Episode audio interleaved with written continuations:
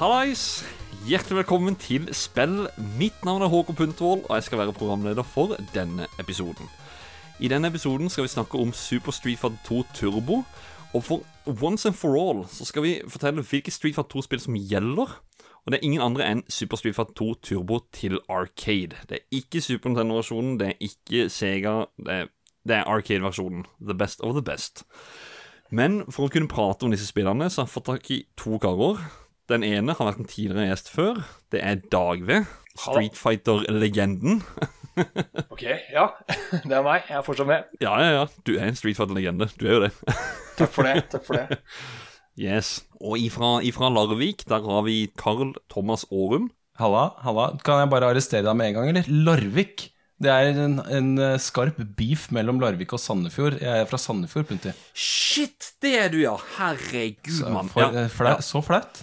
Nei da, det går bra. det går bra. Thomas Aarum fra Sandefjord. Yes. Tidligere spillejournalist i Game Reactor og Level Up. Ja. Og CEO, eller founder of Norsk Street Fighter 2 Dojo. Yes. Represent. Nei, jeg sier ikke sånn egentlig, men du sparket jo ba om det, på en måte. Ja, jeg tenkte vi, vi må introdusere det sånn. Ja, Det er sånn her, det. hersketeknikker som Putti bruker for å sette gjestene på plass. ja. Indeed, indeed. Men dere, vi skal snakke om Super Street Fighter 2 Turbo. Og da må jeg spørre relasjon, altså første møte og sånt, til dette spillet her. Kan jeg spørre Dagve? Hva Ja, er jo din relasjon til dette? Ja, nei, jeg er jo såpass gammel at jeg har spilt det i arcades. Um, tror aller første møte jeg hadde med Super Turbo, var på tivoli. Eh, Sånn årlig tivoli som kom til hjembygda, som eh, hadde Super Turbo. Så eh, det var veldig kult. Eh, Det var jo ikke så veldig mange måter å spille det på. Men vi hadde jo spillehaller og sånn, men det, var jo, det begynte å bli så Fra midten av 90-tallet utover så begynte det å bli litt vanna ut med masse SNK-spill og masse andre type spill. Altså, Street Fighter 2 var veldig stort når det kom, men så er det her jo femte versjonen, ikke sant? så det, det begynte å bli mindre og mindre av de. Men jeg har faktisk spilt Super Turbo kanskje i 95 eller sånn på, på tivoli. så det er aller, aller første møte. Da fikk ikke jeg lov til å gå alene på tivoli engang. Så det, da var jeg lille fem år. ja, ikke sant? Old man games.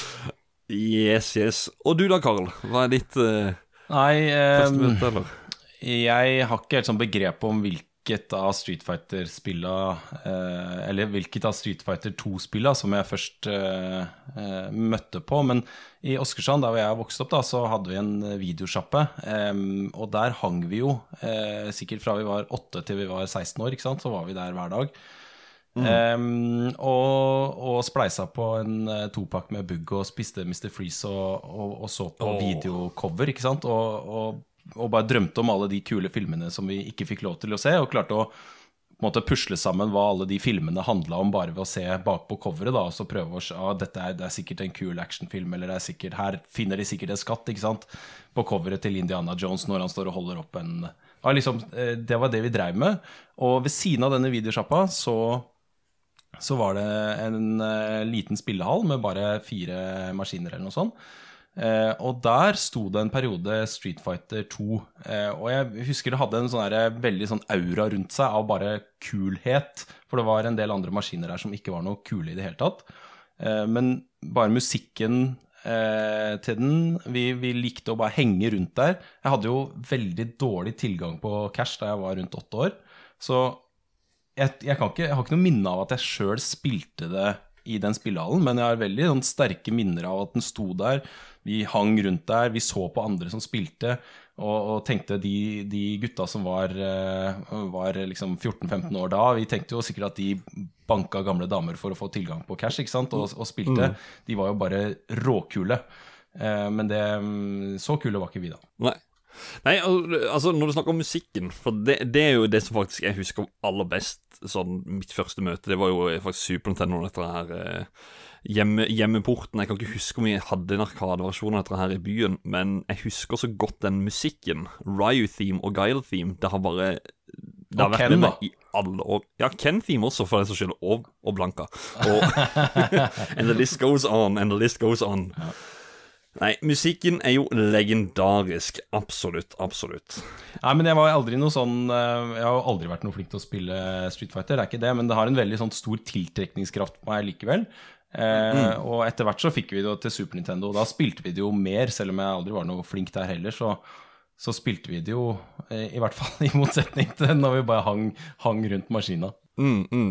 Det er nesten ordrett som hvordan jeg vil beskrive det et par dager fra videobutikken der jeg vokste opp også. Det er liksom sånn spesiell tid på 90-tallet der det Ja. var eh, Jeg husker eh, det var en sånn butikk som het Videoforum, som bare hadde en veldig shady pornofilmseksjon. Og også ned trappa ved den der, så var eh, Arkadehallene. Der hadde de de andre versjonene av Super Fighter 2. Så eh, det var det. good times, absolutt. Siden vi først står på navn og sånt, så tenkte jeg at da må vi si videotek er ikke sånn? Det var akkurat samme greia. Det var tyggis, det var spise is og se på spillecoverne og alt sammen. Men vi hadde ingen arkademaskiner i vi- videosjappene her i byen. Uheldigvis. Er dårlig. Ja, dårlig. Dårlig by. Men der, før vi går videre, så må vi alltid gjøre det som vi gjør i denne podkasten her, og det er å få oss tømt. Vi må bare komme med en annonsering her før vi går over til Få deg tømt-spalten. Vår kjære Ivar Goldenboy Lobben, også kjent som Fotpromp inne på Discord, har bursdag førstkommende søndag. Dermed så har han invitert til å feire bursdagen sin inne på discorden til spill lørdag 13. En gang mellom 22 og 23 så feirer vi med noe godt i glasset, vi spiller masse spill, og selvfølgelig så synger vi bursdagssangen klokka 00.00. Vi gleder oss. Vær der førstkommende lørdag en gang mellom 10-11 på kvelden. Back to the show.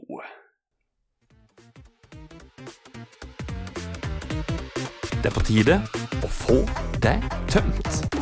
I dag må jeg bare fortelle om hva som skjedde på butikken. Ja, du vet, denne øla her, den er så sykt god. Det spillet her er jo helt fantastisk. Hæ? Tuller du med meg? Har du ikke prøvd det? Sjekk ut denne TV-serien. Herregud, så fet. Få deg tømt! Yeah! OK, folkens, da skal vi Ja, jeg er fornøyd med den. Jeg er fornøyd med den. Denne øla er sinnssykt god.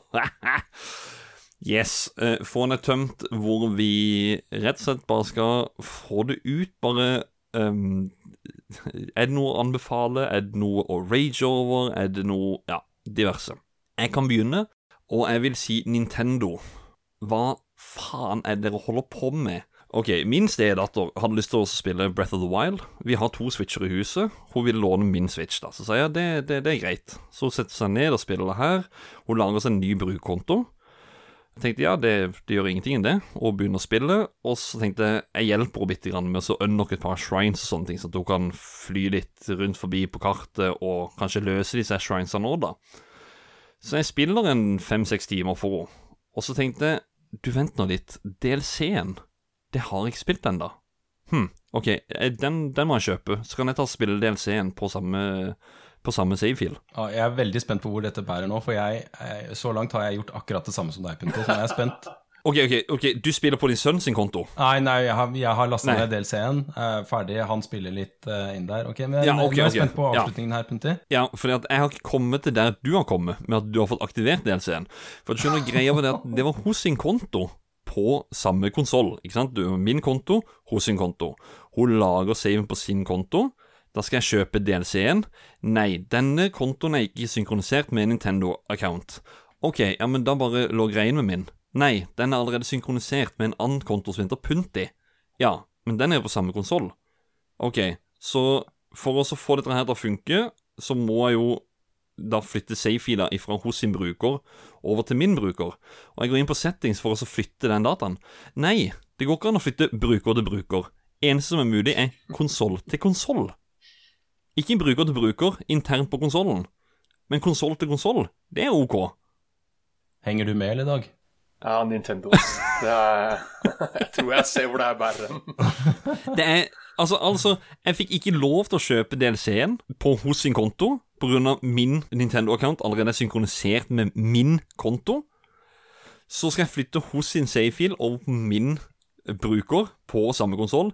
Det går ikke. Eneste muligheten for å flytte på en save-fil, det er konsoll til konsoll, ikke bruker til bruker på samme konsoll. Nintendo, dere er de mest Jeg, jeg vet ikke. De har tenkt på alt, de. De har virkelig tenkt på alt. de, det, det de aldri gjør De, de lærer aldri av de største, gigantiske feilene de gjør. Altså, også, og, Hvordan kan du gjøre de, de har jo hatt minnekort i alle år, hvor du enkelt kobler til to minnekort, og så kan du flytte på save-filene her og der, og kopiere de og alt sammen. Men Men, men Å flytte- Putti, jeg har ikke skjønt om du har fått spilt eller ikke spilt, jeg. Jo, jo, jo, det har jeg nådd, altså. Jeg, eh, så, jo, for for greia, var det at jeg, jeg var faktisk nødt til å lage en egen, eller gå inn på min egen konto og spille ja, seks-syv timer på nytt der, da. Okay. Så, men, men uansett, da. Den, den biten med at ikke du kan flytte på save-filer mellom to brukere på samme konsoll, eller at DLC-en gjelder for alle konsoller eller for alle brukerne Nintendo, ikke vær så forbanna sperra og mm, Jeg blir forbanna av å prate om det. Er du tømt, er du tømt nå? ja. Det var det deilig å jobbe til. Ja, uff, ja. Kampestein Har du- av skuldra. Hang du med, Karl? Nei, jeg falt av litt underveis der, men, men, men for det jeg trodde du kom til å gå til, var at eh, den er jo helt forbanna umulig, den uh, DLC-en. Nei, det- DLC-en er fin. Nei, den er jo helt umulig. Det er den der Master Challenge eh, Jeg husker ikke hva den heter. Hard mode. Ja, og, og Er, er det lov til å si jo- få deg tømt? hadde jo Eh, Jeg hadde jo eh, spilt gjennom hele Selda og var ferdig med det, og så ble det liggende ganske lenge ikke sant? før jeg lasta ned. Ok, kult DLC, det har jeg lyst på. Mer DLC. Og så hopper jeg rett inn i hard mode, liksom. Ikke spilt det på sikkert et år, da. Det var helt, Ja, det- helt umulig. Jeg klarte jo ikke fortsette. Jeg huska jo ikke noen av knappene. Jeg huska ingenting. Da, Ah, ille. ja, nei, det var ikke noe gøy. Ja, det er sånn å bli, som å bli eid. Sånn. Ja. Jeg kan stå for det tømt ballen til Dag V. Altså, hvordan er det, Jeg må ha et spørsmål til den spalten her. Jeg har vært med på den før, men uttales det 'få deg tømt', eller er det 'få deg tømt'? Søring. Det er, jo, det, er jo, det er jo en nordlending ved navn Adrian Haugen som lagde navnet på podkasten og syntes at det, det, spill det er en god idé å ha podkast sammen med Søring, Jævla søring. som sier 'spill'. Ja. Så det er jo få Men, men vi sier jo det også, da. Så, men, men vi skriver jo deg. Altså, vi skriver jo på bokmål, og så få deg Ja. Ok, Men ja. få Vi må det. få Få oss det. liksom. Det er poenget. Nei, jeg valgte en litt, litt annen eh, sjanger og tema. Jeg, jeg spilte um, fortsatt spillrelatert. Jeg, jeg var på besøk hos en kamerat for en uke siden, og så spilte jeg den uh, Resident Ah, Evil 8. Har vi lyst til å høre denne historien? Du var på besøk hos en kompis i Få deg tømt-spalten. Eh, nei, det har jeg kanskje ikke.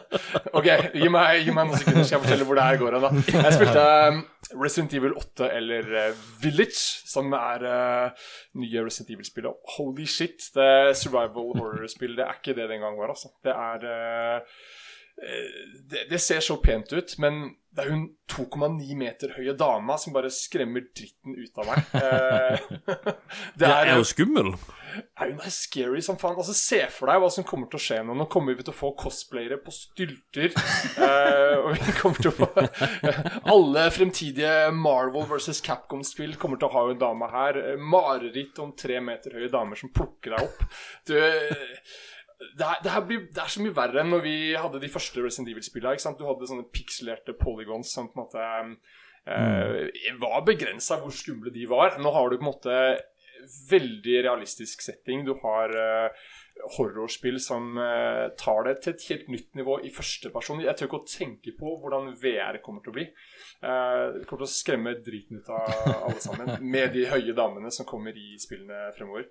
Så, um, men de, de er smarte, da. Det er utrolig bra og anbefaler uh, å spille det spillet der. De, de booster nok pre-order-greiene sine ganske kraftig med den demoen de Selv om demoen ikke har så mye med spillet å gjøre, eller er i spillet, så kommer de til å selge ganske mye bra, da. Jeg er overraska over at ikke så mange andre selskaper gjør akkurat det samme med spillbare demoer i pre-order-modus. Ja, jeg er helt Mm. enig. Jeg, synes, eh, jeg har spilt eh, demoen, jeg også. Jeg synes, eh, den, den maksa ut mitt hypometer, i hvert fall. Og jeg må si jeg syns det er megasmart det de gjør med å, å lage en demo som ikke ehm, s- gir deg liksom en time av spillet å spille, da. Eh, så når det kommer, så må du eh, et, en eller annen gang i løpet av spillet så må du spille det samme partiet en gang til.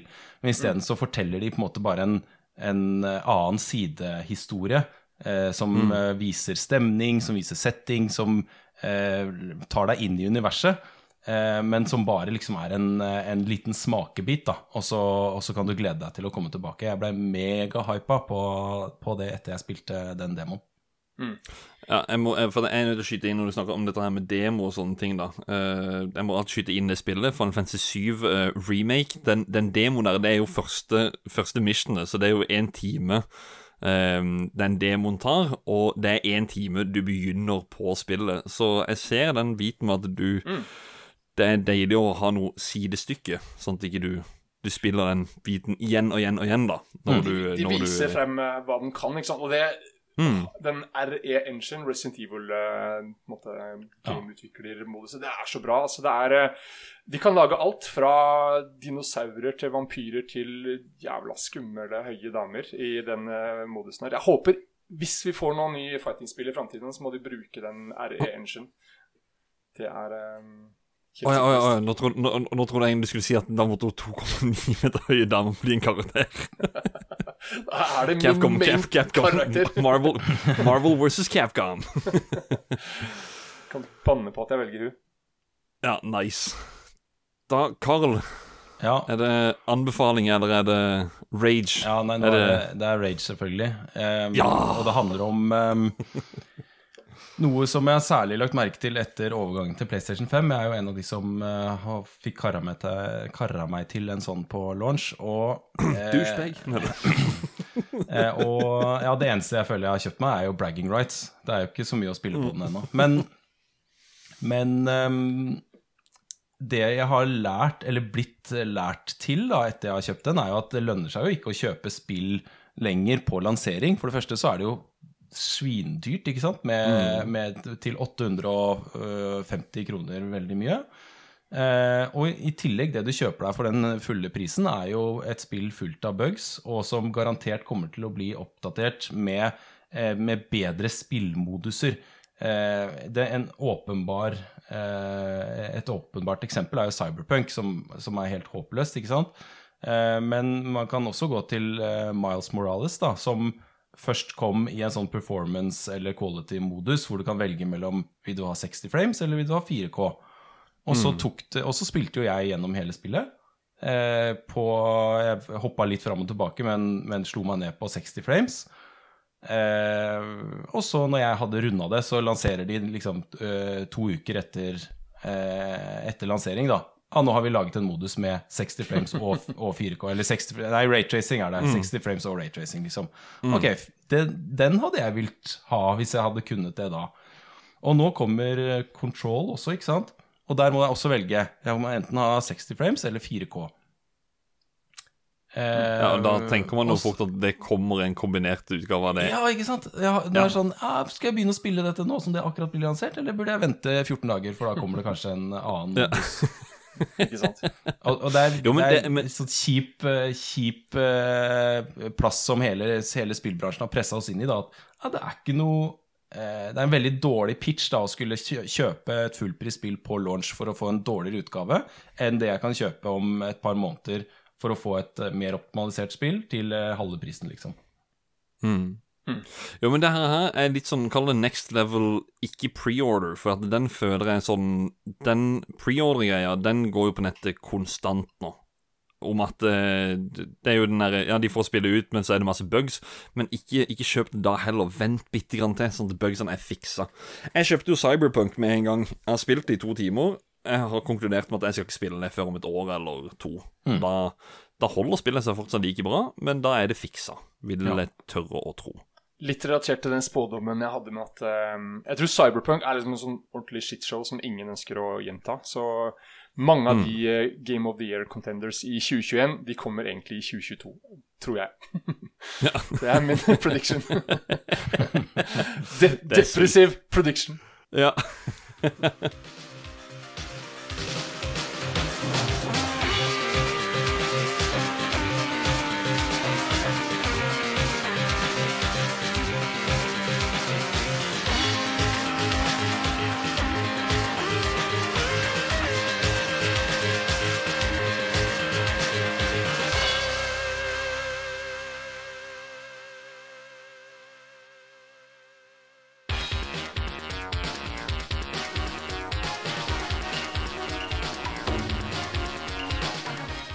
For å snakke om Super Street Fighter 2 Turbo, så må vi dra tilbake igjen til hvor alt starta. Og det var med Street Fighter 2 som kom til Arcade i mars i 1991. Hvor du da kunne spille med åtte karakterer og møte fire bosser i slutten av spillet. Denne versjonen ble senere portet til Super Nintendo og toppet lister verden rundt. Siden populariteten for Street Fighter 2 var så enorm, så så Capcom sin mulighet for en ny versjon av spillet. Dette het Street Fighter 2 Champion Edition og var utgitt april 1992. Du kunne nå spille med tolv karakterer, de åtte vanlige, pluss de fire bossene. Og så var det gjort småendringer slik som spray changes, farger osv. Siden Nintendo hadde sikret seg Street Fighter 2 på Super Nintendo, så så Sega sin mulighet for å ta denne versjonen til sin konsoll, Sega Mega Drive. Da het spillet Street Fighter 2 Special Champion Edition. I 1993 kommer en hack av Street Fighter 2 Champion Edition, og den ble kalt for Street Fighter 2 Rainbow Edition. En totalt ubalansert hack som ga karakteren angrep de ikke kunne gjøre til vanlig. Som en Shoryuken, så sender du ti Hadoken som er heatseeking. Helt bananas. Men Capcom ble svært inspirert, og det gjorde til at Street Fighter 2 Turbo Hyperfighting ble til. Dette ble også porten til Super Nintendo, og fikk da navnet Street Fighter 2 Turbo. Senere, i 1993, kommer den store endringen. Super Street Fighter 2 The New Challengers kommer. Spillet gikk ifra Capcom Play System 1 til Capcom Play System 2, som var en langt bedre maskinvare, og som kunne endre mer både grafikk og på lyd. Men det beste det var at man nå fikk fire nye karakterer og en del nye moveset. Så da går vi fra 12 til 16 karakterer totalt å velge mellom. På dette punktet i serien begynte det å gå multiplattform. Var ikke det nok? Nei, det syntes verken fansen eller Capcom. Det var på tide med femte utgivelse, på et halvt år bygde Capcom videre på Super Street Fighter 2 The New Challengers og kom ut med Super Street Fighter 2 Turbo. Her var det nye ting som air combo, også kjent som juggles, super combo, muligheten for å endre hastigheten om man hadde freeplay mode, og selvfølgelig nye moves, og sist, men ikke minst, en ny karakter ved navn Akuma. Akuma er ingen vanlig karakter som kan velges på menyen. Du kan kun slåss mot han om du klarer tre perfect på one credit, eller som spillemann var så trykke inn en spesiell kode inne på Character Select. Akuma anses som en broken karakter, og er som standard bandet i alle Super Street Fighter 2 Turbo-turneringer. Men åssen var det med hjemmeporter av dette spillet? Det var ikke et 16-bit-spill, så det var ikke hvilken som helst konsoll som taklet det. Nintendo? Nei. Sega? Nei. Det var 3DO. Bummer. Dette var ikke den mest populære konsollen på markedet i denne tiden, fordi den kosta jo 700 dollar. Og når en konsoll er såpass dyr, så blir nok spillerne også rammet av dette. Sakte, men sikkert ble det portet til diverse konsoller, og fikk ikke en Arcade Perfect versjon før fem år etter sin utgivelse på Arcade. Dette var på Sega Dreamcast, og spillet var da utgitt som Super Street Fighter 2 X for Matching Service. Etter dette kom nye versjoner av spillet, som Super Street Fighter 2 Turbo Revival til Gameboy Advance og Super Street Fighter 2 Turbo HD Remix til Xbox 360 og PlayStation 3. Til slutt så får jeg lese opp quoten fra Arcade Sushi. It's easily the most loved and most played game in the franchise. If you haven't played this fighter, then you haven't played fighting games at all. Det jeg leste opp nå, gutta. Er det noe som var nytt for dere? Er det noe som burde bli sagt? Er det Ja. Den quoten der legger jo litt lista litt, da, i forhold til det spillet Ja, ikke sant? her. Eh, altså, Jeg vil bare skyte inn den eh, du nevnte der med um, Rainbow Edition. Jeg, jeg har spilt det spillet på tivoli, samme tivoli som jeg spilte Super Turbo på. Og det er noe av det mest broken jeg har sett i noe spill noensinne. Altså, bare, bare jeg kan ramse kjapt opp hva som går an å gjøre der. Det er sånn der, um, Du skifter karakter ved å trykke på startknappen. Så hvis du velger Ryu på karakter eh, select screen, så kan du velge Sagat f.eks. ved å trykke start en to-tre ganger. Da. Du kan skifte karakter så mange ganger du bare orker. Og, Stemmer. Så har du Det var masse sånne kast og sånn som var helt umulig. Du kunne kaste folk fra andre siden av skjermen uten å være i nærheten av dem. Og, men det verste var det som du nevnte med de bølgene med hadoken som kom mot deg. Du hadde Ja, for at, mm. Ja, for det er jo, det er jo altså Uansett hva du gjør for noe, så du hopper jo, så de følger jo etter det. Ja, det var De er jo heatseeking. Jeg har sett videoer av det etterpå, men av det jeg husker, da, så hadde de um, Ryu og Ken og Ja, spesielt Ryu og Ken, da de tok en vanlig sårryken. Spilte du mot computeren, så tok han eh, en sårryken, og det var kanskje Jeg vet ikke hvor mange hadokens det var, men det var kanskje en bølge da med sånn åtte-ni hadokens som kom mot deg. Det var umulig å slippe unna. Så det var jo Mm. Og computeren spamma den over og over igjen, altså så det var helt frikkings umulig å runde det spillet. men uh... Jeg husker også det var noe med en hard shoryuken, tror jeg, til, til Ken. Hvor da du gjør den, så flyr du Altså, du går opp i lufta, så kommer du opp ifra bakken igjen. Du går Ja. bare repetitivt gjennom skjermen, på en måte. wow. Akkurat som det suser opp ifra bunn til topp eh, fire-fem ganger. Ja. Det, det er ett av hans move, men, men eh, helt totalt bananas. Men eh, det skapte i hvert fall noe. Det er sikkert Ja, det, er, det er lenge siden. Altså. Jeg husker eh, det var en palme midt på Sagat sitt stage som bare kom helt fra ingen steder. Den bare, jeg tror de har tatt den fra en eller annen annen stage. Altså, Sagat hadde ikke fireballs, men han hadde mm, Dalsim sin yoga flame når han tok en uppercut. Så han spruta ut yoga flame fra munnen mens han tok en uppercut. Så det var eh, Ja. good times.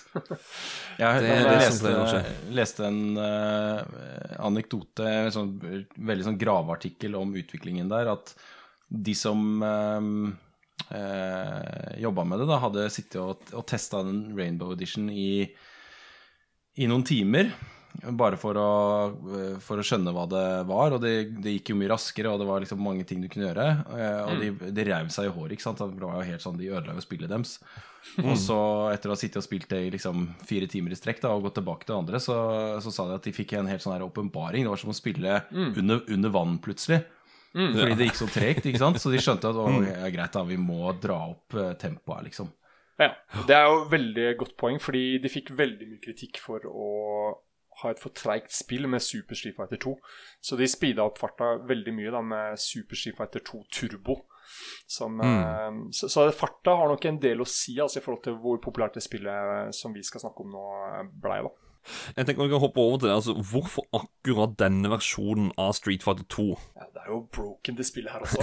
Men det er, eh, det er, det er på en mye mer fungerende måte. Da. Altså, du har liksom eh, karakterer som har Alle har én kjip ting som gjør at de kan vinne. Eh, så er det jo farta som vi var inne på nå, da. Som eh, de bomma på med de tidligere hastighetene. De, de traff kanskje mer med hyperfighting og de tidligere som du nevnte der, men, men um, Super Super Fighter 2 var så veldig treigt, og så traff de veldig mye bedre med Super Turbo. da. Mm.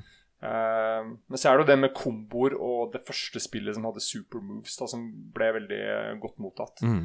Uh, og så er det jo litt tida det kom ut på også. Det er jo femte versjonen av Street Fighter 2 kom ut på absolutt høyden av arkadetiden i Japan, og ble arrangert turneringer. Og det har jo blitt arrangert turneringer i 25 år pluss i det spillet her, da. Så det ble arrangert turneringer veldig fort på der, da. Men uh, hvorfor akkurat den her? Det er liksom litt vanskelig å sette fingeren på, da, men uh, det er, det er jo et makkverk av koding det spillet her. Det er jo alle de versjonene, de fire forrige versjonene, er jo bare pasta med kode oppå hverandre. Så du har liksom World Warrior, opprinnelig Street Fighter 2, Champion Edition, Hyperfighting og Superkoden, som er bare sånn svær pastabolle av programmeringsfeil og tilfeldigheter.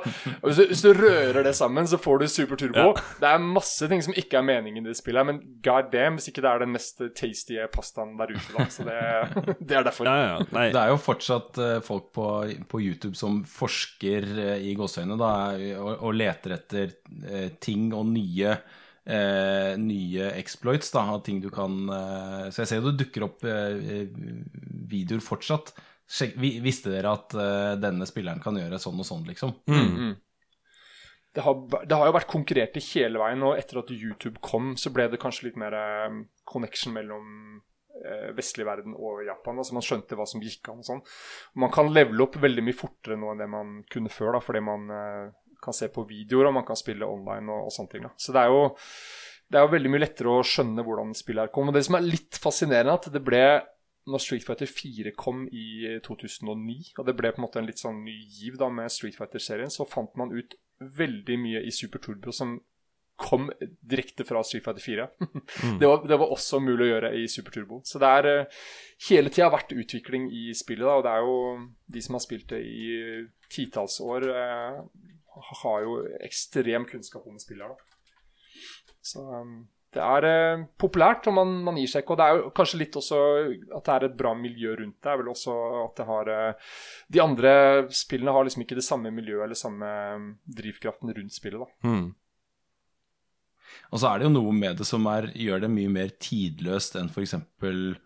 Eh, Mortal Kombat. da eh, og, og jeg kan jo ikke eh, fighting-spill, så liksom at det er Jeg har skjønt at det er et, eh, et mye mer ræva fighting-spill, det er nå én ting.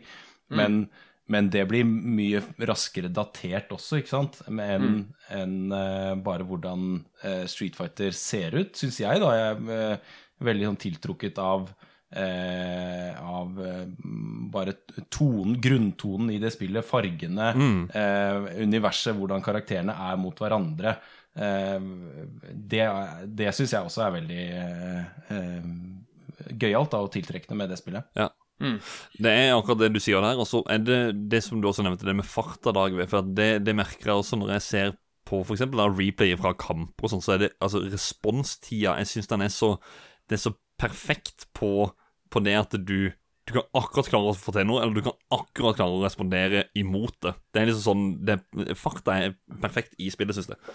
Kontra de andre. da Hopper jeg tilbake igjen og spiller det første Ja, nei, det, det blir for sløvt og kjedelig.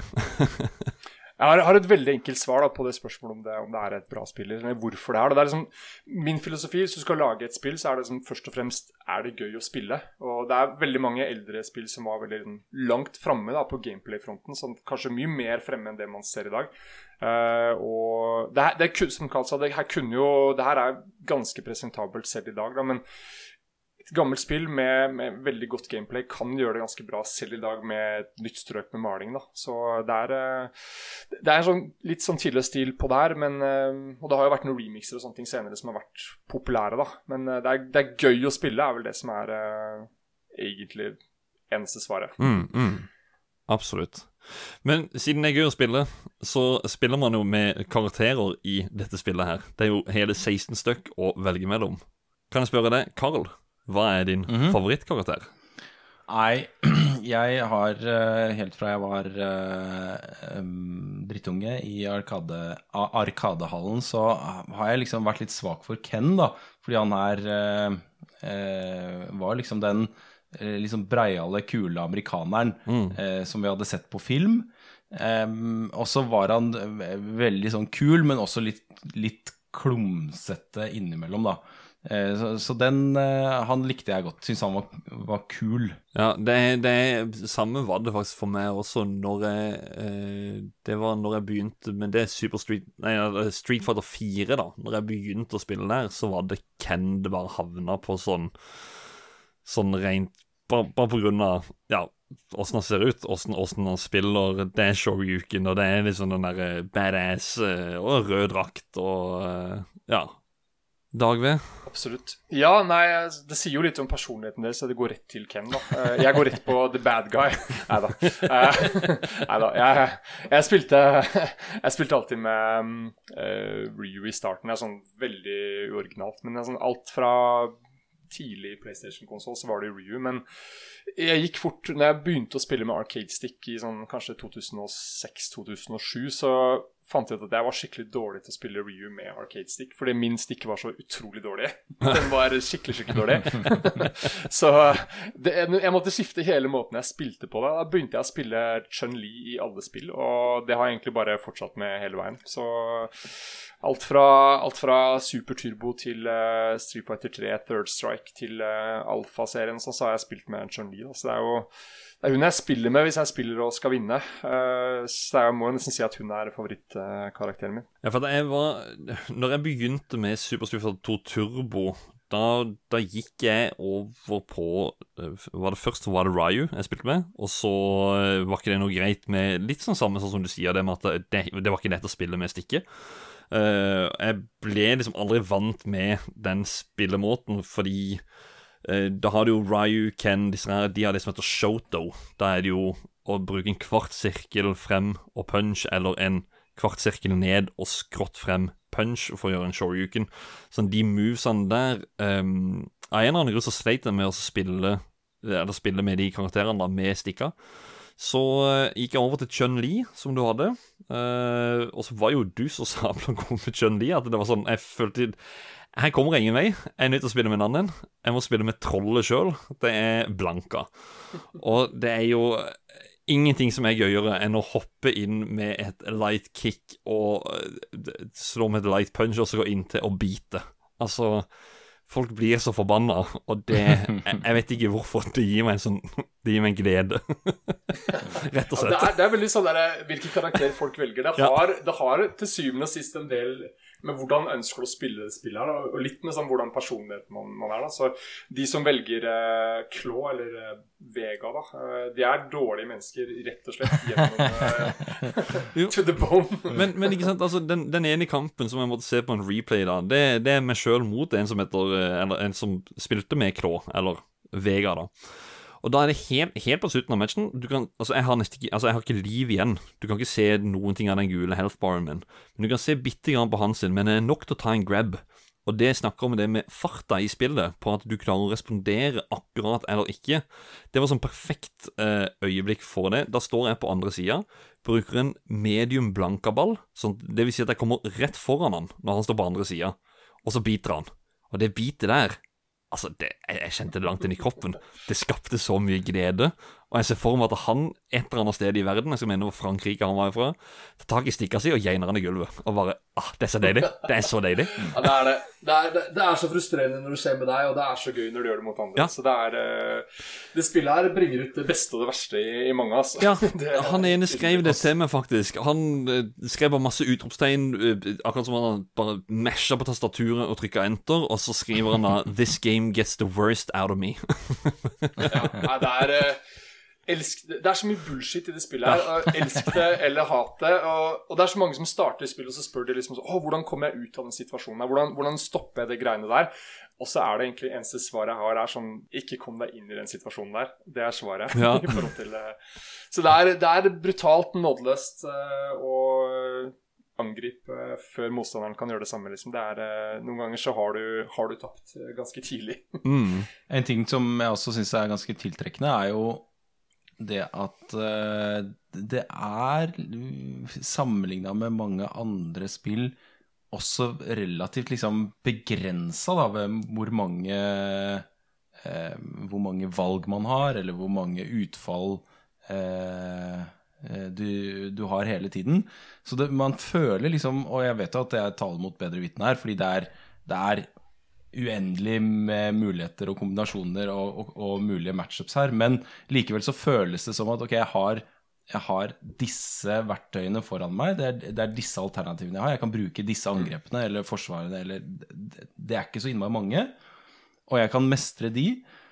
Og så er det jo ja, ikke sant, Antall situasjoner du havner opp i, er jo uendelige. Men det føles likevel innafor rekkevidde for noe man kan mestre, da. Mm. Ja, jeg er helt enig. Det er sånn, Kanskje forskjellen her da, det er 16 karakterer, 17 med Akuma. og Du kan lære basicen veldig fort, og du kan bli du kan lære ett kjipt triks. da, og Da slår du på en måte kanskje 30% flere motstandere bare med det ene kjipe trikset. Mm. Uh, men du, kan, du skjønner basicen veldig fort, da, i, i motsetning til en del moderne fighting-spill som har eh, 40-50 karakterer, som jeg føler har pusha det altfor langt da, med for mange Mm. karakterer og, og sånne ting. Så det blir eh, Det er overkommelig da, å kunne, kunne sette seg inn i. Det er vel eh, noe som går an å telle som pluss. Mm.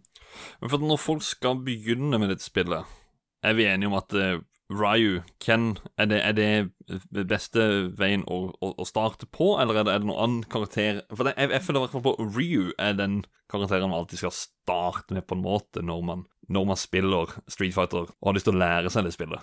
Så føler jeg alltid at det er Ryu av en eller annen grunn. Du lærer jo mye av basicen i spillet ved å velge Ryu, men jeg mener fortsatt at du må velge den du syns er mest interessant selv, og så fortsetter du med den. Det, det syns jeg er uh, kult. Altså, I forhold til å starte på det spillet her, det er jo en samtale i seg selv, da, men uh, du, du, spi, du spiller mot mennesker som har spilt det spillet her i kanskje flere tiår. Ja. Eh, Nivået er ganske høyt, da. Og det er veldig frustrerende i starten, og det er eh, Du kan f.eks. bli kasta i en throw loop med boxer eller balrog som du ikke Hvis du ikke aner hvordan du kommer deg ut igjen, så taper du hele den runden da, bare på det ene trikset. Eh, Eller så kan så du bli satt inn i hjørnet med i hånd, da, sånn som man gjør med det. Så er du, altså, død uansett hva. Ja. Er du inne i hjørnet mot din, ja, er, du, er du inne i hjørnet med dagved, og det er i hånda, du er ferdig.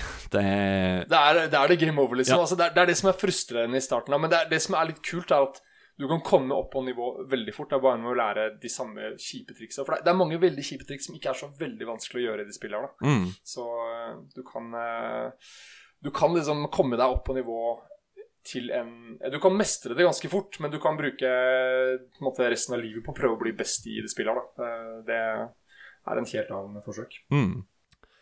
Da må vi jo snakke om dette her communityet som er blitt skapt. Altså, Som jeg nevnte, Carl er jo CEO, eller founder of Norsk Street Fighter 2 Dojo. Stemmer det? Ja, Kan du fortelle åssen starta dette her, Carl? Eh, Det starta eh, for omtrent et år siden.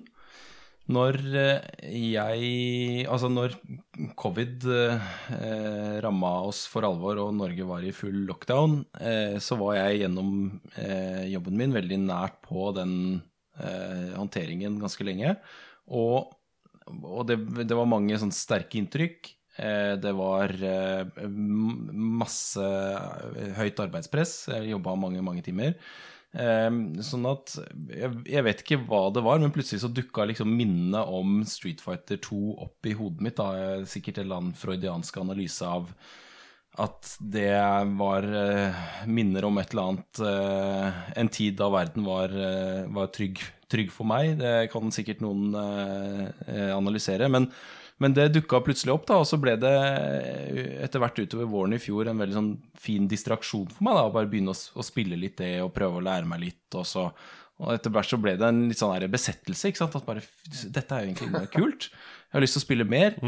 Og så, og så, jo mer det ble en sånn besettelse, så tenkte jeg at dette, altså dette har jeg lyst til å få noe ut av. Denne, at jeg kanaliserer all den tiden jeg bruker på dette, til, å, til et mål mot, mot et eller annet. Så jeg tenkte at til sommeren så er jo sikkert covid ferdig, så da, da arrangerer jeg en fest.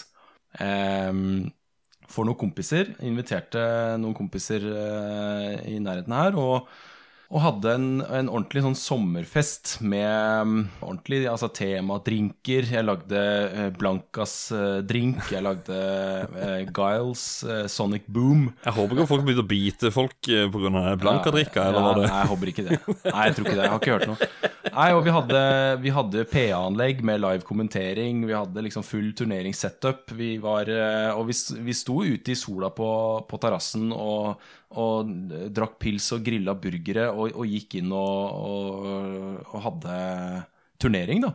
Og det var eh, kjempegøy, for det var jo ingen av oss som kunne det i det hele tatt.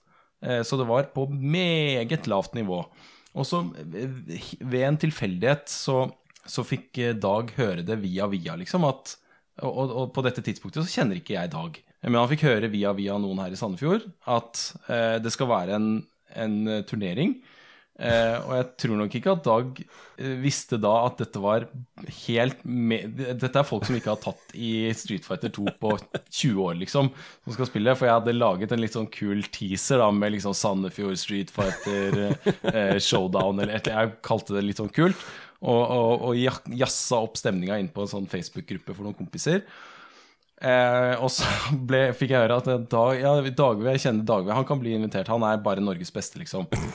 Ah, det er ikke sikkert dette er crowden for Dagve. så det, han, han får ikke noe ut av å være med her, men han er hjertelig velkommen. I hvert fall så kom han og, og var bare et kjempebidrag da, til den festen og, og fortalte om det å være å spille på et uh, proffnivå og være i turneringer. Eh, og han også coacha jo folk som ville, og satt ned og lærte bort noen eh, irriterende triks, som han nevnte i stad. Noen litt sånn kjipe triks eh, med karakterer, sånn at de kunne ta med det inn i kampene sine. Og det ble en eh, ordentlig sånn gøyal eh, sommerfest med, med finalespill og, og en vinner og i, i det hele tatt eh, ordentlig morsomt. Jeg håper du også hadde det gøy eh, der, Dag. Ja, helt utrolig. Jeg satt og leta opp bildet som eh, Sandefjord Street Fighter Invitational, tror jeg du kalte det. på, Ja. på der. Ja, det var det. Og jeg ble invitert via Jan Olav, som er retrospillmessegeneralen. Uh, så det var veldig tilfeldig, da, men eh, du leverte til ti i ti stil på den der. Altså, det var helt utrolig. Jeg, jeg koste meg masse, selv om jeg var der bare for å coache og bare mimre litt. da, For jeg tror også jeg trengte den eh, litt sånn eh, ja, escapen. Det var på en måte eh, hjemmekontor, og det var ikke spesielt positive nyheter. Det var vel en periode der, der på en måte ikke det var noe sosiale shutdown, så man kunne samles en viss antall mennesker Ja. og sånn. Og det, det var eh, akkurat det man trengte. Det, det var eh, fantastisk. Ja, det var kjempekult. kj- Kjempedag. I hvert fall så, så, så begynte jo vi å prate sammen, og så holdt vi kontakten på, på Messenger og sånn siden, og vi begynte å spille sammen også siden. Og så utover liksom høst-august og utover høsten så eh, Så kom jo ideen om at kanskje vi skal prøve å få med noen flere. Du kjenner jo mange i miljøet. Kan vi samle noen? Og vi åpna en eh, Discord-kanal og begynte å invitere litt etter litt. Og da eh, plutselig dykka det opp eh, Jeg vet ikke hvor mange vi er der. Vi er jo en, en liten gjeng liksom i, i den store sammenhengen når man snakker om sånne communities. Men, men vi klarte å stable på beina eh, ukentlige turneringer da i høst med eh, liksom Jeg husker ikke den første dagen. Var det var det 12 eller 14 eller noe sånt deltakere? Jeg har hatt et respektabelt antall folk til et såpass ga- gammelt spill. Ja, jeg, 20, 28 medlemmer er vi av den discorden der, faktisk. Så eh, ja. du, Dag, vi kan vel egentlig bekrefte på at eh, det har vel kanskje ikke vært så stort miljø for dette spillet her noen gang. Nei, altså det har jo her- vært litt her sånn Det har jo vært et stort spillmiljø, og, og det har på en måte vært eh, De turneringene som har vært tidligere, har vært ganske folkerike fordi det har vært på en måte sideturneringer til store Street Fighter 4-turneringer og sånne ting. Altså Vi har jo vært ganske mange tidligere, men alle som på en måte virkelig var genuint interessert i Super Turbo, kom jo mer eller mindre tilbake nå da på den discorden. Så utrolig Jeg hadde vel ikke troa på eh, at det skulle være så mange som var interessert i å spille igjen, selv om de hadde hatt noen år pause. da, Og vi fikk jo tilbake igjen eh, de mest iuga på, på, på høyden der i fjor. da, Så var vi jo ganske mange som spilte Norge ble plutselig en av de mer folkerike landene som spilte der online. Mm. Og så var det kult, fordi det var jo nesten hver kveld en periode der hvor du kunne bare logge på, og så var det noen andre på og spilte Street Fighter og klare for å ta noen kamper og sånn. Så det var eh, Ja. kjempekult. Jeg tror det er, det er mange tilfeldigheter som gjorde at det ble så eh, det ble så eh, suksess, egentlig. da Det var jo det Ja. ene er jo at eh, Fightcade ble lansert, det skal sikkert du innom etterpå, Håkon. Men, men en annen ting er jo bare det at vi, vi ble i en, en lockdown, egentlig, da hvor eh, man ikke kunne stikke ut og møte folk. Så det ble et veldig ålreit sted å, å, å bare møtes og prates og, og spille og, og ha noe å gjøre, liksom. Mm, absolutt. Ja, for det, som du nevnte, da, altså Fightcade. Fordi at jeg tenkte jo det Hadde vi kanskje på en måte kalle det griseflaks med at Fightcade 2 kom mer eller mindre offisielt ut. Jeg husker jeg lasta den ned. Da var det beta, eh, sa, sa du, Dagve. Men det gikk ikke mer enn en uke eller to, så var plutselig alle fra Fightcade 1 gått over til Fightcade 2. Mye lettere program. Eh, til de av dere som lurer på hva Fightcade er, så er jo det en Det er en form for eh, emulator hvor du kan spille mot hverandre. Altså du kan spille online. Eh, typ ark ja, Arcade-spill som Capcom, Neo Geo-spill og den slags. Og da spiller vi jo Street Fighter mot hverandre der inne, da. Så jeg tenker sånn For at vi spilte jo den 30th eh, Anniversary Collection på PlayStation 4. Det var den uh, du, du Dagvis, sa at eh, nå, nå er vi en gjeng som spiller dette her, og er inne på 30th Anniversary Collection. Nice. Og så kom Fight Gate 2, og så føler jeg det var så mye lettere eh, tilgjengelig på en måte, det spillet. For det var alltid noe knot å få til på Fight Gate 1. Men så kom Fight Game 2 og bare gjorde ting så mye lettere. Har jo mye bedre nettkode også. Det Mm. sier jo litt, da. Capcom har dessverre slitt med de nettkodene sine Ja, seinere tid. Og eh, amatører, på en måte Eller ikke amatører, da, men folk som på en måte programmerer og, og gått sammen og lagd Fightgate 2, da, de har gjort det så evinnelig mye bedre enn det Capcom selv har gjort det. Så jeg vet ikke hva det sier om de, men det er iallfall eh, Det er status nå, da. Det Fight Game 2 er på en måte det beste stedet å spille det spillet her på, da. Absolutt. Så vi kan jo også egentlig smelle inn en sånn anbefaling til folk om å eh, kanskje hive seg inn på denne Discord-kanalen. Jeg kan ta linke til den i både beskrivelsen til episoden, og, eller inn på Facebook-gruppa vår, og inn på Discord-kanalen vår. Og så er det en enkel guide der inne for hvordan du kan være med og spille Super Street Fighter 2 Turbo. Kan jeg, kan jeg få en, egen- en, en liten pitch eh, i tillegg der, eller? Kjør, kjør, kjør. Ja, fordi det som eh, Jeg har som sagt Jeg har ikke noe sånn fighting-spill-bakgrunn, og alle andre som er i den discorden, er jo, er jo flinke og har spilt 100 andre fighting-spill i tusenvis av timer. Eh, men til tross for det, da, så har det vært et veldig sånn fint miljø der inne. Det har ikke vært eh, Altså, for meg som er den største rookien der inne av alle, så eh, så har det vært veldig gøy å spille mot andre, selv om de er mye flinkere. Det har vært, eh, alle er interessert i at alle skal bli bedre. ikke sant? Det har vært som å være en del av en, eh, en eh, La oss si en karateklubb da, i, i gåseøynene. Alle er interessert i at noen eller at alle i dojoen blir bedre, fordi det betyr at alle får bedre motstand. Eh, alle er interessert i å lære hverandre triks, vise nye ting. Eh, sånn at det har vært veldig jeg, jeg har hatt kanskje en fordom om at det har vært et litt sånn tøft, hakkete miljø. Eh, sånn versus fighting-miljø, liksom. Men eh, min opplevelse av å være i det miljøet der nå som voksen, med alle andre også som voksne folk, er at det har vært eh, et veldig sånn inkluderende og varmt miljø som bare vil eh, at alle skal bli bedre og lære mer, da. Mm.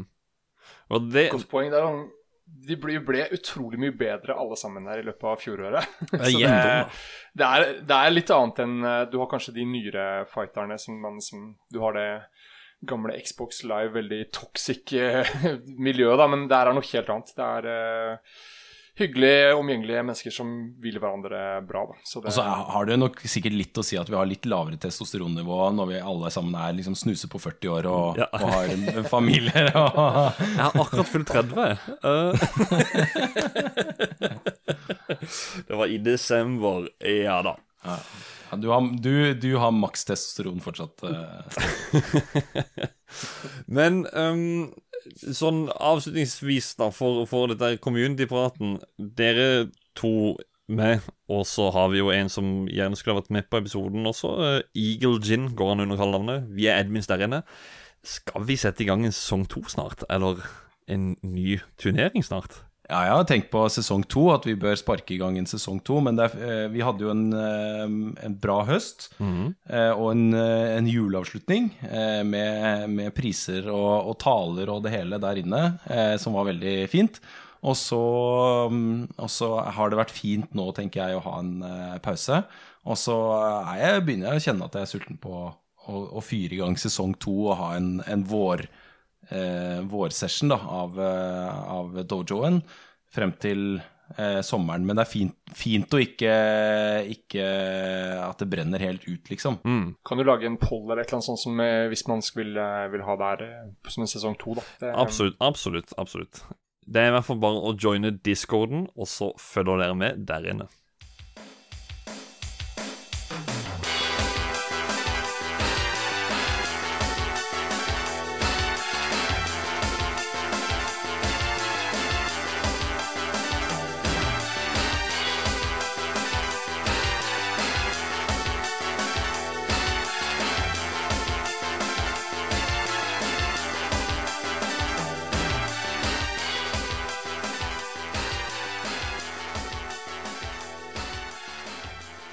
Og i forkant av denne episoden så gjør vi som vanlig og spør lytterne om de har noen minner tilknytta dette spillet vi skal snakke om, da. Eller dette spillet som vi snakker om. Og da lot jeg de få å si åpent om Street Fighter 2, fordi Altså, Og hvilken versjon han spilte som kid og sånne ting, det er jo ikke alltid like lett å huske. Fordi dette spillet ble jo melka som en ku, for å si det sånn. Det er melkemaskinen til Capcom. Inne på discorden, det er der eneste stedet vi har fått noe eh, svar i dag. Så førstemann ut der er Terje. Kommer med lange, gode svar, som alltid. Den eneste Street Fighter 2 jeg spilte, var det første. Først på Arcade, et gatekjøkken. Eh, Her hadde den digre sitteren-versjonen. Eh, Jeg var aldri spesielt god. Noen som kunne spille godt, hadde knust meg lett. Men jeg husker jeg satt og spilte da en helt vilt fremmed kom og utfordra. Jeg cheesa han ved å bare spille blanka og spemme elektrisiteten han. Slo han fire-fem ganger før han ble sur og gikk sin vei. Kanskje litt, som deg, det er Punti. kanskje litt råttent gjort, men, men det var gøy likevel. Terje, hopp inn og trykk på, trykk på den lightcake, og så, så, så biter du. den er enda bedre. Eh, jeg fikk tak i en kopi til Amigaen også, og tja Den porten er kjent for å være en av de verste 16-bit-portene, med god grunn. Det er ikke helt uspillbart, det går an å ha det gøy med det om man ikke har tilgang til konsollalternativet. En kan egentlig ikke klandre utviklerne for skiten. Det var utviklerne US Gold som fikk lisensen for hjemmedataportene, og de visste kynisk nok at de kunne selge drit så lenge det bare hadde navnet. Ganske typisk US Gold, egentlig. De ga utviklerne et minimalt budsjett og en umulig tidsfrist til å lage den, og solgte resultatet. Egentlig er det likevel imponerende at de tross alt fikk til noe spillbart under de forholdene, men det er hva det er. Super Street Fighter 2 og Super Street Fighter 2 Turbo kom også ut til Amiga og skal ha vært bedre ports, men disse har jeg aldri spilt. Det finnes også 8-bit-versjoner av Street Fighter 2 til Commodore 64 og ZX Spectrum, men det er nok best å bare late som at det ikke eksisterer. US Gold, det også. Og når han sier det med Commodore 64-versjonen, ved min side her akkurat nå, så har jeg denne svære floppy-disken. Den Ikke de er små som hadde til Windows-PC-en, men de, de svære. Fem om kart, Tom. De er eh, Yes. vinglete Ja. Ja. Mm. Jeg har Kan den. jeg komme med en, eh, kan jeg komme med en innrømmelse? Mm. Jeg har, eh, jeg har Jeg hadde jo Commodore 64, og jeg hadde kassettversjonen av den der. Vanlig, altså sånn eh, type uh, musikkassettversjon av den. ja, ja, ja. Så den eh, jeg hadde, Moren min hadde abonnerte på noe som heter Hjemmedataklubben. Ja, det er den, ja. Nøyaktig. Den. og det der er, er det, det er neste piece of shit du finner, altså. Det, det der kan ikke kalles samme spill. Ja, for det, jeg, jeg må jo si det som Terje sier, det med at US Gold melka de. Det er fordi at eh, det coveret her som jeg har her på sida meg nå, da, det viser bilder av typ det som er Arkadespillet, eller kanskje en annen PR-port. Og så på manualen så er jo den Den er jo lagd til multi, på en måte. Sånn at det, OK, blant den sida for Amiga 500, blant den for Commodore 64, blant den for ZX Spectrum. Altså så Det er samme manualen til alle spillerne. Uh, det er bare et annet cover og en annen uh, Nei, eller, eller coveret er også likt, for så vidt. Det er bare et annet klistremerke og et annet format oppi boksen. Nice. Jeg husker jeg hadde, hadde Streetfighter 2, uh, eh, som var månens spill uh, via hjemmedataklubben. Så jeg fikk en tilsendt, og det var jo heaven, heaven on earth og tilsvarende nedtur da når jeg så hvordan det så ut. så det, jeg hadde faktisk den, og så hadde jeg Street Fighter 1, som jeg mener bestemt var porta et uh, selskap som het Kicks. KIC-80XI. Det, det stemmer. Jeg er jo Street Fighter-samler og har det i min samling. Dæven putti. jeg har eh, uh, Kicks-utgaven til Commodore 64 og ZX Spektrum, faktisk, til det første. Wow. Yes. Kommer aldri til å spille det. Um, Du har ikke gått glipp av den, altså. Neste er Fisto, eh, også kjent som Otto. Street Fighter er jo best på Sega, særlig masturbratorsystemporten er knall.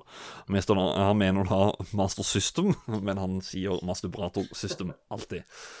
Det var kødd. Street Fighter, det spillet der man bare taper.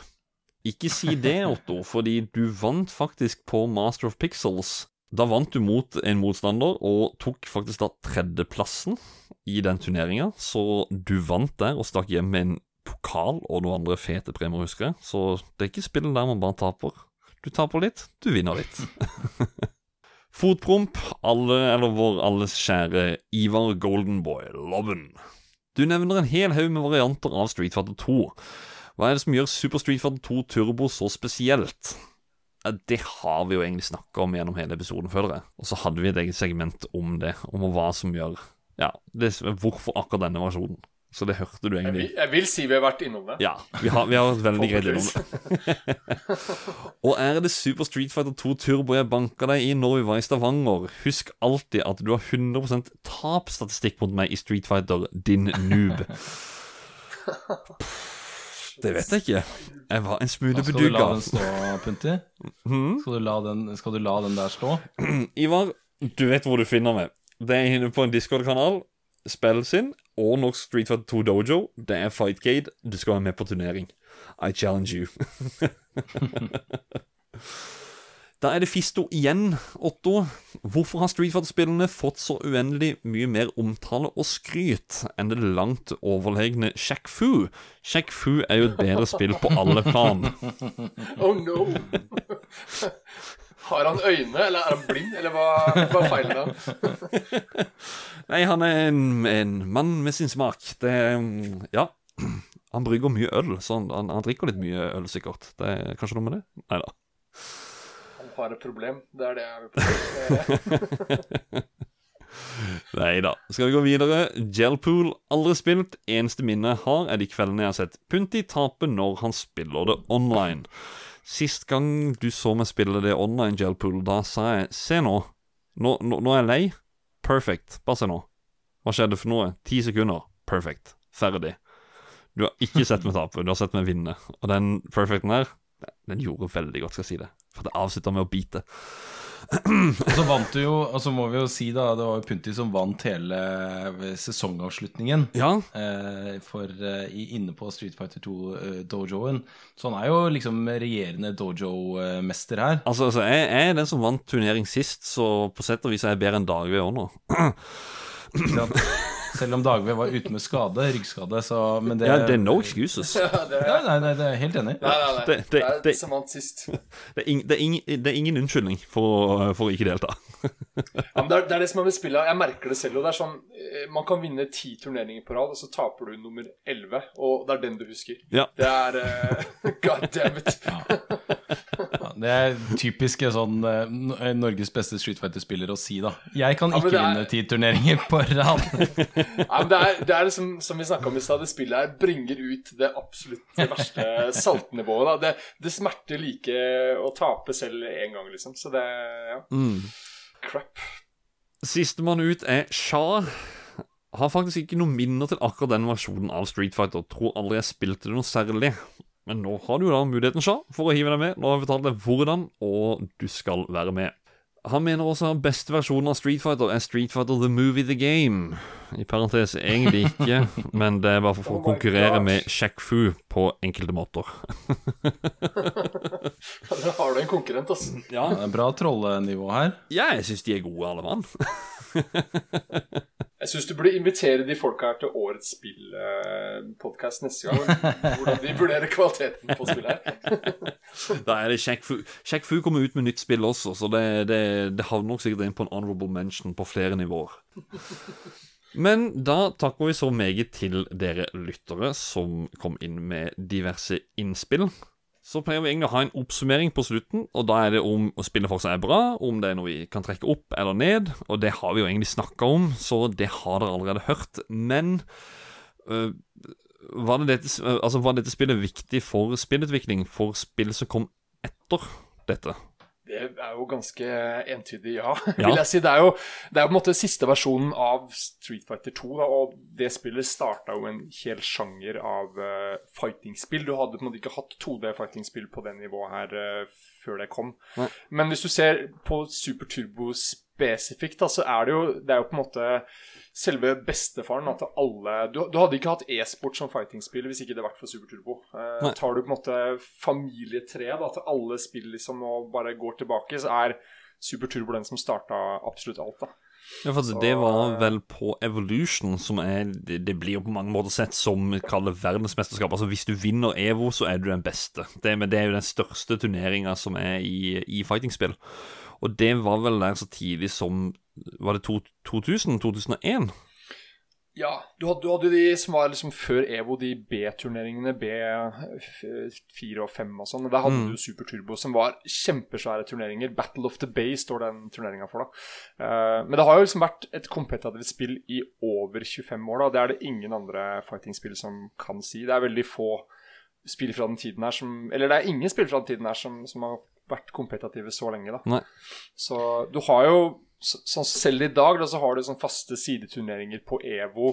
Du har veldig mange av de Capcom Cup-turneringene, eller de Capcom Pro Tour-turneringene, så er Super Turbo en sideturnering. Eh, og Canada Cup, SoCal Regionals, Combo Breaker, Wednesday Night Fights og alt sånne ting. De store eh, amerikanske turneringene som blir streama, har Super Turbo. da Mm.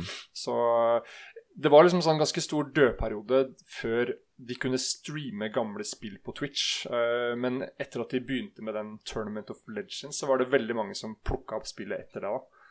Um, Og så er det jo har Jeg jeg tenker bare, Det er jo også en sånn eh, Det sier jo noe om spillets kvaliteter. Når, hvis du tar et hvilket som helst nytt fighting-spill nå, og, og bare stripper vekk liksom eh, oppdatert grafikk og sånn, så sitter du liksom med det samme, alle de samme eh, grunnelementene igjen, da. Kanskje med unntak av sånn Smash Bros og eh, de der, men, men liksom basic oppskriften ble jo funnet opp med Street Fighter 2, og den er fortsatt lik, ikke sant? Mm. Den fant opp en hel sjanger, så det er absolutt veldig viktig for uh, spillutviklinga. Det er vel uh, veldig få som ikke har henta inspirasjon derfra. Absolutt. Nei, det er legendarisk. Det er ikke annet å si. Det er It's a legend. It's gem. Men før vi avslutter denne episoden, så er det siste segmentet Det er at vi tar spillratinga. Da bruker vi Nintendo-magasinet sine kriterier, gode, gamle Nintendo Magasinet, som da er fra skalaen 1 til 10 på fem forskjellige punkter. Det er grafikk, det er lyd, spillkontroll, underholdning og holdbarhet. Skal vi se. Grafikk. Dag V. 1 til 10. Ganske, ja, ganske tidløs grafikk der, da, og det holder seg mye bedre enn de mange av de spillene som kom ut samtidig, var jo førstegenerasjons 3D-spill, som i dag ser helt jævlig ut, men på den gangen syns jeg de så bra ut. Eh, Super Turbo er jo mer tidløs. Jeg, ja, gi den eh, da. Mm. Nei, jeg, vet du hva, jeg, jeg kommer til å være Jeg har helt sånn roser i kinna og, og, og hjerter i øynene. Jeg kommer til å gi, eh, gi ti over hele linja her, mer eller mindre. Jeg må ta det litt, litt eh, etter hvert, men, men, men dette her er eh, De hadde ikke mange piksler å jobbe med, og, og hvor rike liksom bakgrunner er, mm. hvor, eh, hvor mye personlighet det er i hver enkelt sprite. Eh, liksom hvor all, Alt, alt jeg, jeg, jeg kan ikke gi noe annet enn en ti, ja. Nei, altså, jeg, jeg er veldig enig i det som blir sagt. Eh, jeg havner jo på en ni av ti. Og, og dere som også hører på, kan, kan sikkert tenke det Ja, men hæ, jeg spilte det her på Super Nintendo. Altså, du må se dette spillet her. Altså, det det Grafisk sett så er det, det er helt annerledes enn Street Fighter 2 World Warrior. Hadde vi snakka om det, så hadde jeg gitt det sekser, kanskje, kanskje syv. Men dette her, jeg gir det ni av ti. Neste, det er en lyd. Carl, hva syns du Ja, om ja. Altså, eh, Guile Team, eh, som jo er en, en meme, ikke sant? Den passer Ja. til alt mulig. Eh, det er um, Altså, hele soundtracket er jo uh, legendarisk. Det, jeg, det er ikke noe annet å gi her enn ti. Dag?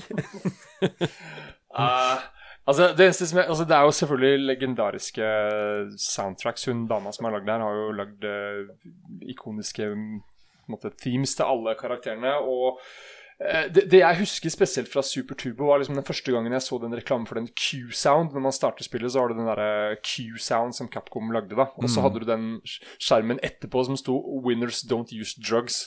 Den kom rett etterpå, som, som lyden var der. så uh, Nei, men det, det er jo utrolig mm, Utrolig bra grafikk til Eller måte lyd til uh, Og temaene er jo ikoniske, så jeg gir det en ni da på, på det. Mm. Eh, Carl, er helt Ja. enig med deg. Uh, jeg skal si til den Til per dags dato Jeg har jo bygd en liten samling av video Eller videogame soundtracks på vinyl. Eh, Den Det albumet jeg angrer mest på at ikke jeg har kjøpt, det er faktisk Street Fighter 2. Fordi det var tilgjengelig, det ble utsolgt med en gang, og du får ikke tak i det nå, med mindre du blar opp en to-tre lapper. Og det, det skjer ikke, rett og slett. Det er Ja.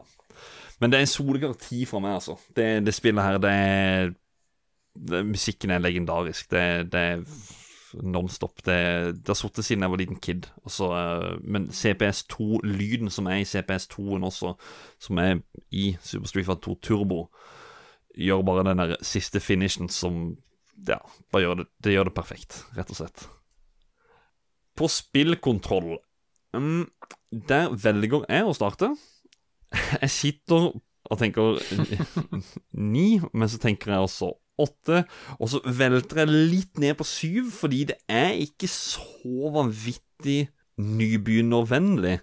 Men når du først sitter inne, og hvor mye du bytter mellom på light, medium, hard, punch, kick, hva nå enn, og, og alle disse her timinga og alt sammen, og hvor godt det sitter når jeg spiller med arcade stick Jeg gir det åtte av ti sånn bredt på, på det hele.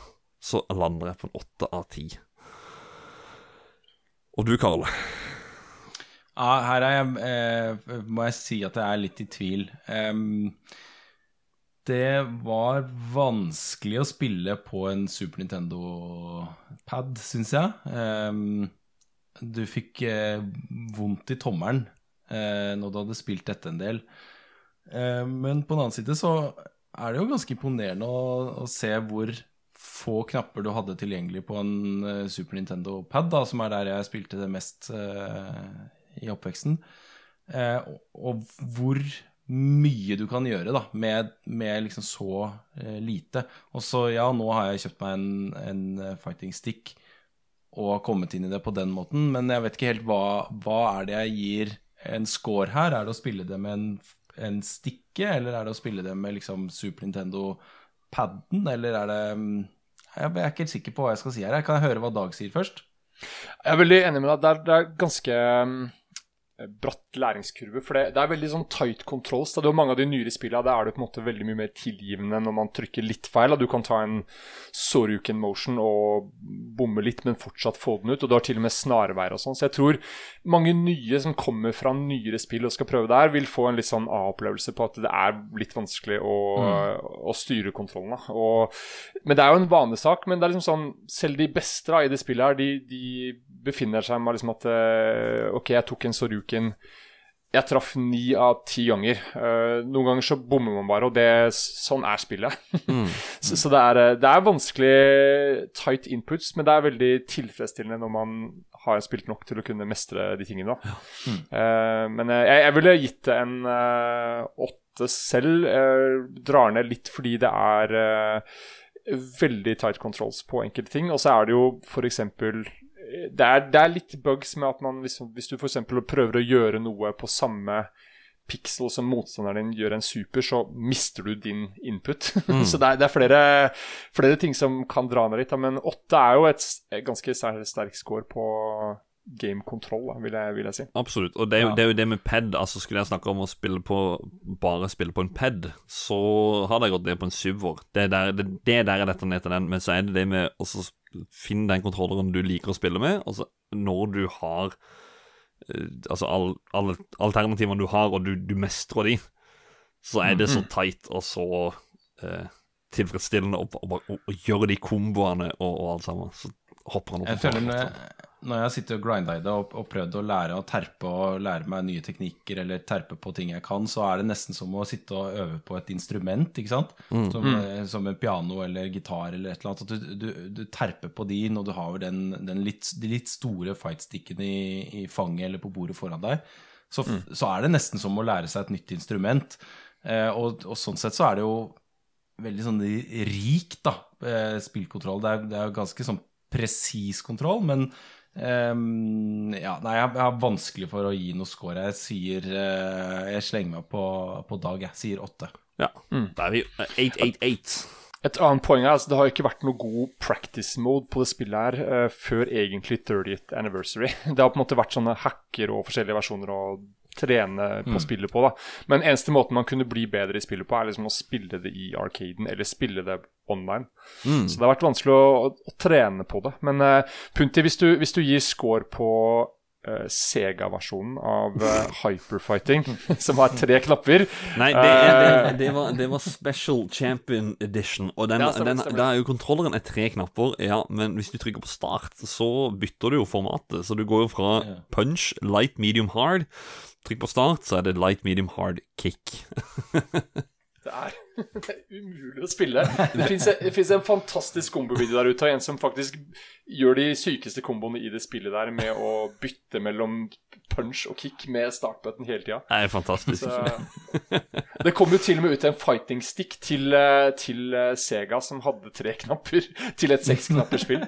ja, jo, jo, men, det, men det, det skal faktisk sies at når du bare snakker om spillkontroll og, og Street Fighter 2, det var vel grunnen for at det kom en six button layout-kontroller til den eh, Eller til Sega Mega Drive. Det er vel ingen andre spill som brukte seks knapper heller. Husker jeg det rett? Nei, det tror jeg du har rett i. Hvis ikke det er noen beatmaps, uh, Streets of Race gjorde vel heller ikke det. Som for øvrig med jeg- andre arkadespill også. Det er bare Street Fighter som er six button. Det er Ja. ja, Ikke sant. Det, det må sies at det her ble jo laget til Arcade og ble jo porta over. Så det er jo, det er jo lagd til eh, Arkadespill med, med stikke og sånne ting. Så det er jo egentlig ikke meningen å spille med pad, da. Men man kan, bli, man kan bli like god med pad. da Det, det er hva man er mest komfortabel med. Mm, absolutt.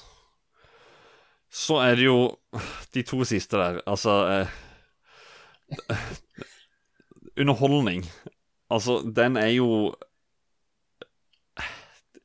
det er jo, det er jo noe av det gøyeste. Uh, men samtidig så er det sånn Jeg kan bli så forbanna at jeg hater Det Det er bullshit. Ja, ja, ja, at, at, Bare si det. Ja.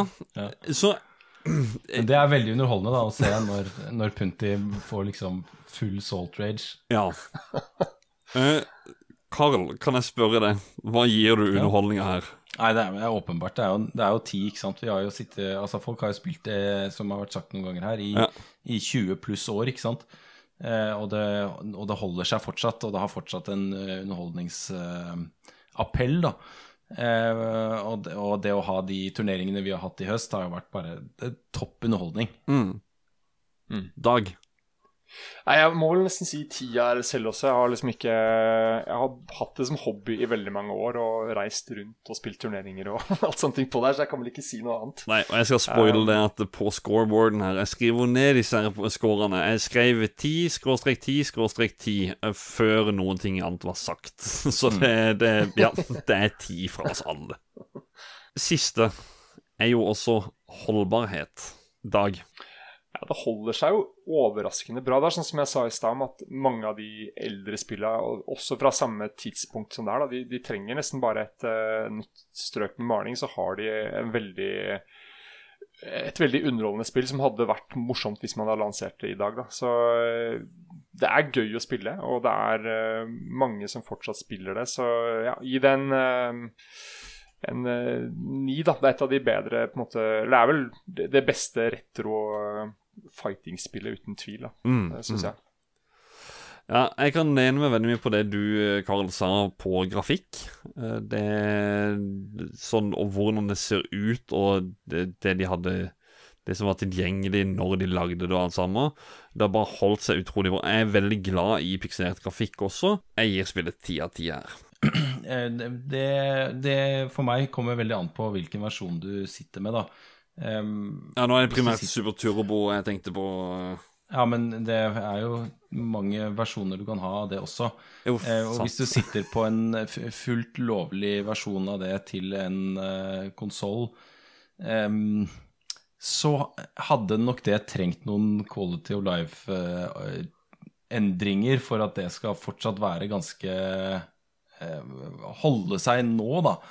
Eh, men når vi spiller det i Fightcade, eh, som har på en måte et sånn tredjepartslag av et online community og rankinglister og alt det der, så holder det seg jo veldig. Men, men eh, jeg, jeg kommer til å gå på ni.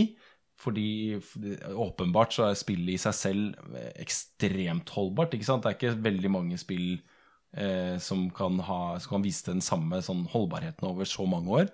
Men mm, det hadde fortjent en eh, original ny utgivelse fra Capcom med liksom noen sånn Quality of Life-oppdateringer.